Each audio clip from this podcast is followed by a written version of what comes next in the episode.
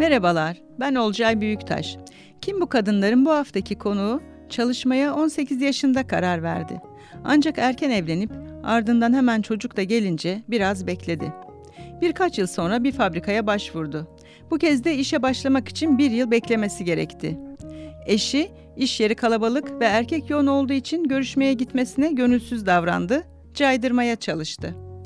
Tam da Türk filmlerindeki gibi elinin hamuruyla ne arıyorsun burada? Kocam baksın işte, çocuğun da daha küçükmüş diyenlere işini en iyi şekilde yaparak yanıt verdi. O başladığında yalnız erkeklerin yaptığı zımpara işini kısa sürede onlar kadar iyi yapmaya başladı. 7 yıldır çalıştığı fabrikada grup liderliğine yükseldi. Şimdiki hedefi takım liderliği. Gelecekte kendisini gördüğü yer ise bölüm müdürü. Bugünkü konuğumuz Ford Otosan Gölcük Fabrikası'nda çalışan Esra Özcan. Merhaba Esra Hanım. Ee, sizi tanıyarak başlayalım Esra Hanım. Nasıl bir ailede büyüdünüz? Kaç kardeşsiniz? Eğitim hayatınız hakkında bilgi verir misiniz? Üç kardeş kardeşiz biz. En büyükleri benim. Ee, babam genelde yurt dışında çalışıyordu. Annemle büyüdük diyebilirim. Büyük olmak yani büyük çocuk olmak sorumluluk gerektiriyor. Onun ağırlığı hep üstümdeydi benim. Hep böyle sürekli ilkleri ben yaşadım, ilk sorumlulukları ben aldım, ilk zorlukları ben atlattım falan ama e, kendimi geliştirdiğimi düşünüyorum bu konuda. Kaç yaşındasınız Esra Hanım? Ben 32 yaşındayım. Sorumluluk aldım diyorsunuz. Çalışmaya nasıl ne zaman karar verdiniz? Nasıl bir süreç yaşadınız? Aslında lise mezunuyum ben. E, lisede bile çalışıyordum. Ben hep ben çok hareketli bir insandım hep. Lise 1'de e, ara yıllarda yani tatillerde çalıştım. Hep çalıştım. E, sonra evlenmeye karar verdim. Dediğim gibi böyle tutumlu bir ailede büyüdüm ve o tutumluluk biraz evliliğe itti beni. Allah'tan eşimle ilgili sıkıntı yaşamadım. Sağ olsun çok harika bir insandır. Kaç yaşında evlendin? Ama, he, onu oraya geleyim. E, 18 yaşında e, nişanlandım. 19 yaşında evlendim. 20 yaşında da anne oldum. Evet, 24 yaşında işe girmek istedim. Çünkü çocuklar küçüktü. Bir de eşim çalışmama çok yaklaşmıyordu açıkçası. Çünkü genelde böyle Türk erkeklerinin içinde vardır böyle hani e, kadın çalışmasın evde otursun muhabbeti. Fabrikaya gitmek istediğimde hatta taksiye binmek istedim. Hani eşimden taksi parası istedim. Hani o da o zaman ne gerek var yok ya işte girme işe gibi bir şey oldu ama ben yine kendi azmim ve çabamla oraya gittim o gün. Formumu doldurdum, sınavıma girdim ve başardım, kazandım. Türk kadının kazanamayacağı bir şey yoktur. Peki sonra fabrikaya hemen başladınız mı o formu doldurduktan sonra? Nasıl bir süreç yaşandı? Biraz anlatın. Fabrikaya bir sene bekledim. Çok zor bir süreçti. Ee, bir sene bekledim ama ben evde de zaten hiç durmayan bir insandım. Sürekli çalışan, bir ufak tefek işler yapan bir insandım. Ee, bir sene sonunda evimi almaya kalkıştım. Ev aldım ve ev aldığım günde fabrikadan haber geldi. Fabrikaya başladım ve çok güzel bir duyguydu. Çok mutlu olmuştum. Fabrikaya girmeden önce çok korkuyordum. Çünkü çok büyük bir yer orası. Ee, nasıl yaparım? Ee, büyük bir denize dalıyorsunuz ama yüzmeyi biliyorsunuz mu bilmiyorum bilmiyor musunuz? O arada bir yerdesiniz. E, eşim e, bir yandan çok destek vermiyor. Biraz onun zorluğunu yaşıyorsunuz. E, ama fabrikaya girdikten sonra e, Ford Otosan çok büyük bir aile. Çok büyük bir yer. Yani orada hı hı. kocaman bir ailenin içindesiniz ve oraya dahil olduğunuzu hissettiriyor size. Tabii Nasıl? zorluklar oluyor. Şimdi erkeklerin fabrika hayatında ya işte kadın ne işi var? Evinde otursun. Elin hamuruyla işte erkek işine karışıyorlar. Bir de metal sanayi bizimki. Hı. Metal sanayide bunlar daha çok duyuluyor. Öyle insanlar da var ama e, bunları ekarte eden daha büyük bir topluluk var orada. E, olsun kardeşim beraber çalışıyoruz. Şöyle yapalım, böyle yapalım. Hadi şöyle yapalım. Ne güzel bak sen de katkı sağlıyorsun evine diyen insanlar sayesinde çok güzel bir yerde olduğumu düşünüyorum şu anda. Peki orada ne işle başladınız? Ne yaptınız? Boyahanede çalışıyorum bu arada. Boyahanede şimdi gövde kaynaktan gelir. Kaynaktan geldikten sonra boyaya hazırlanmaya başlanır ilk önce. Ee, o boyaya hazırlama aşamasından boyama aşamasına, montaj tarafına gönderene kadar bütün hatlarda çalıştım. Zımpara filan yapmışsınız galiba değil mi? Tabii.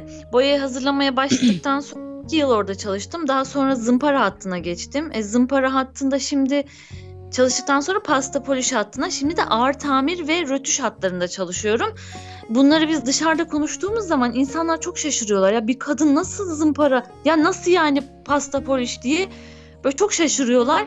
E, bu da gerçekten çok gurur verici. Yani bir erkeğin işi olduğunu düşünebiliyorlar ama orada kadınlar neler yapabiliyor keşke görebilseler.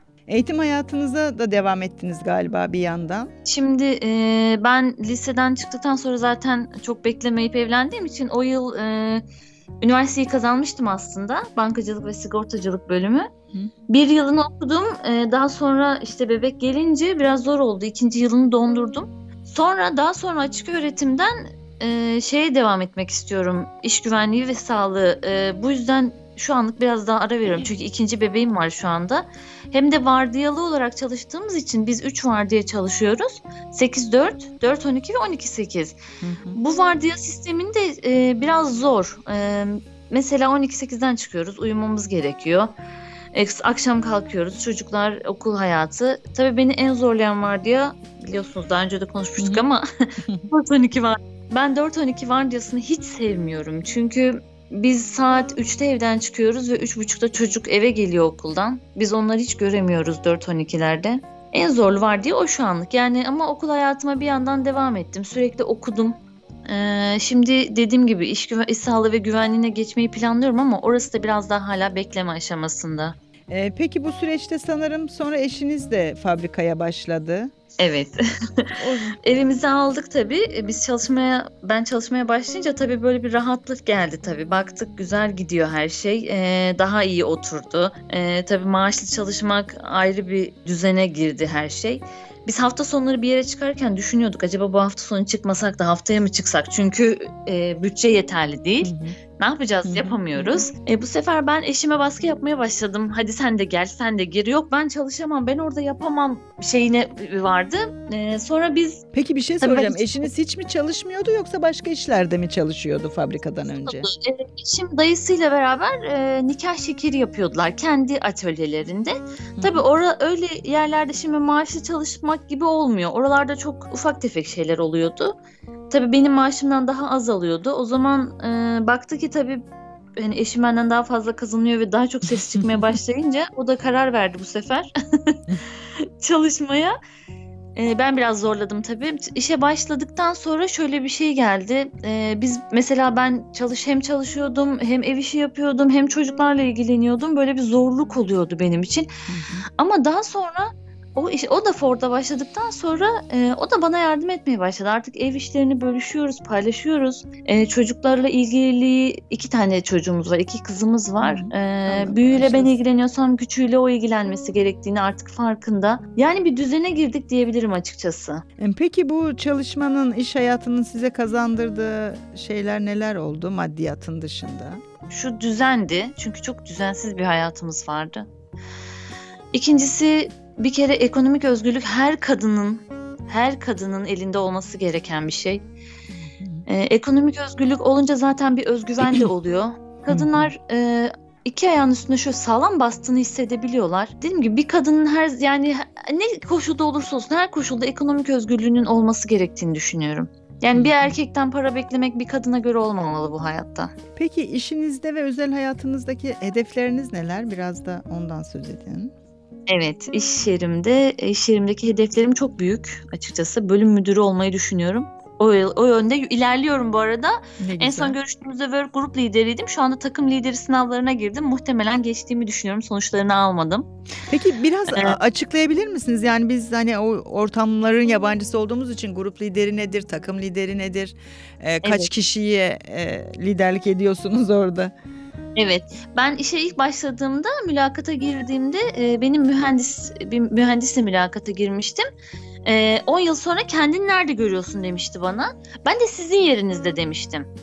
E, atölye ekip lideriydi karşımdaki hem mühendis hem atölye ekip lideriydi. Şimdi bizim e, çalışma grupları oluyor. E, 10 kişilik operatörlerin bir tane ek, e, grup lideri oluyor. Hı hı. E, bu grup liderlerin bir üst yani bir adım üstü e, takım lideri, proses koçu dediğimiz. Hı hı. Bir üst vardiya amiri, ondan sonra da atölye ekip liderleri. Yani birinci aşama müdürlere geçiliyor. Böyle bir sistemle çalışıyoruz. Şu anda ben, benim 12 kişilik bir ekibim var. 12 kişilik bir ekibin grup lideriyim. E, bütün ekibimde bir tane kadın çalışanım var. Diğer herkes erkek çalışan arkadaşlarım. Ee, ve onların grup lideri olduğum için çok mutlu oluyorlar. Her seferinde söylüyorlar ya ben de bundan çok gurur duyuyorum gerçekten. Yani bir erkek e, gruba bir kadın grup lideri olduğunda böyle bir şey olur genelde. Bir ön yargı olur. Hmm. Ama böyle bir şey yaşamadım ben hiç. Çünkü onlar en az kıdemlisi 15 senelik. 15 senelik, 20 senelik, 25 senelik operatörler var aralarında. Boya ustaları var.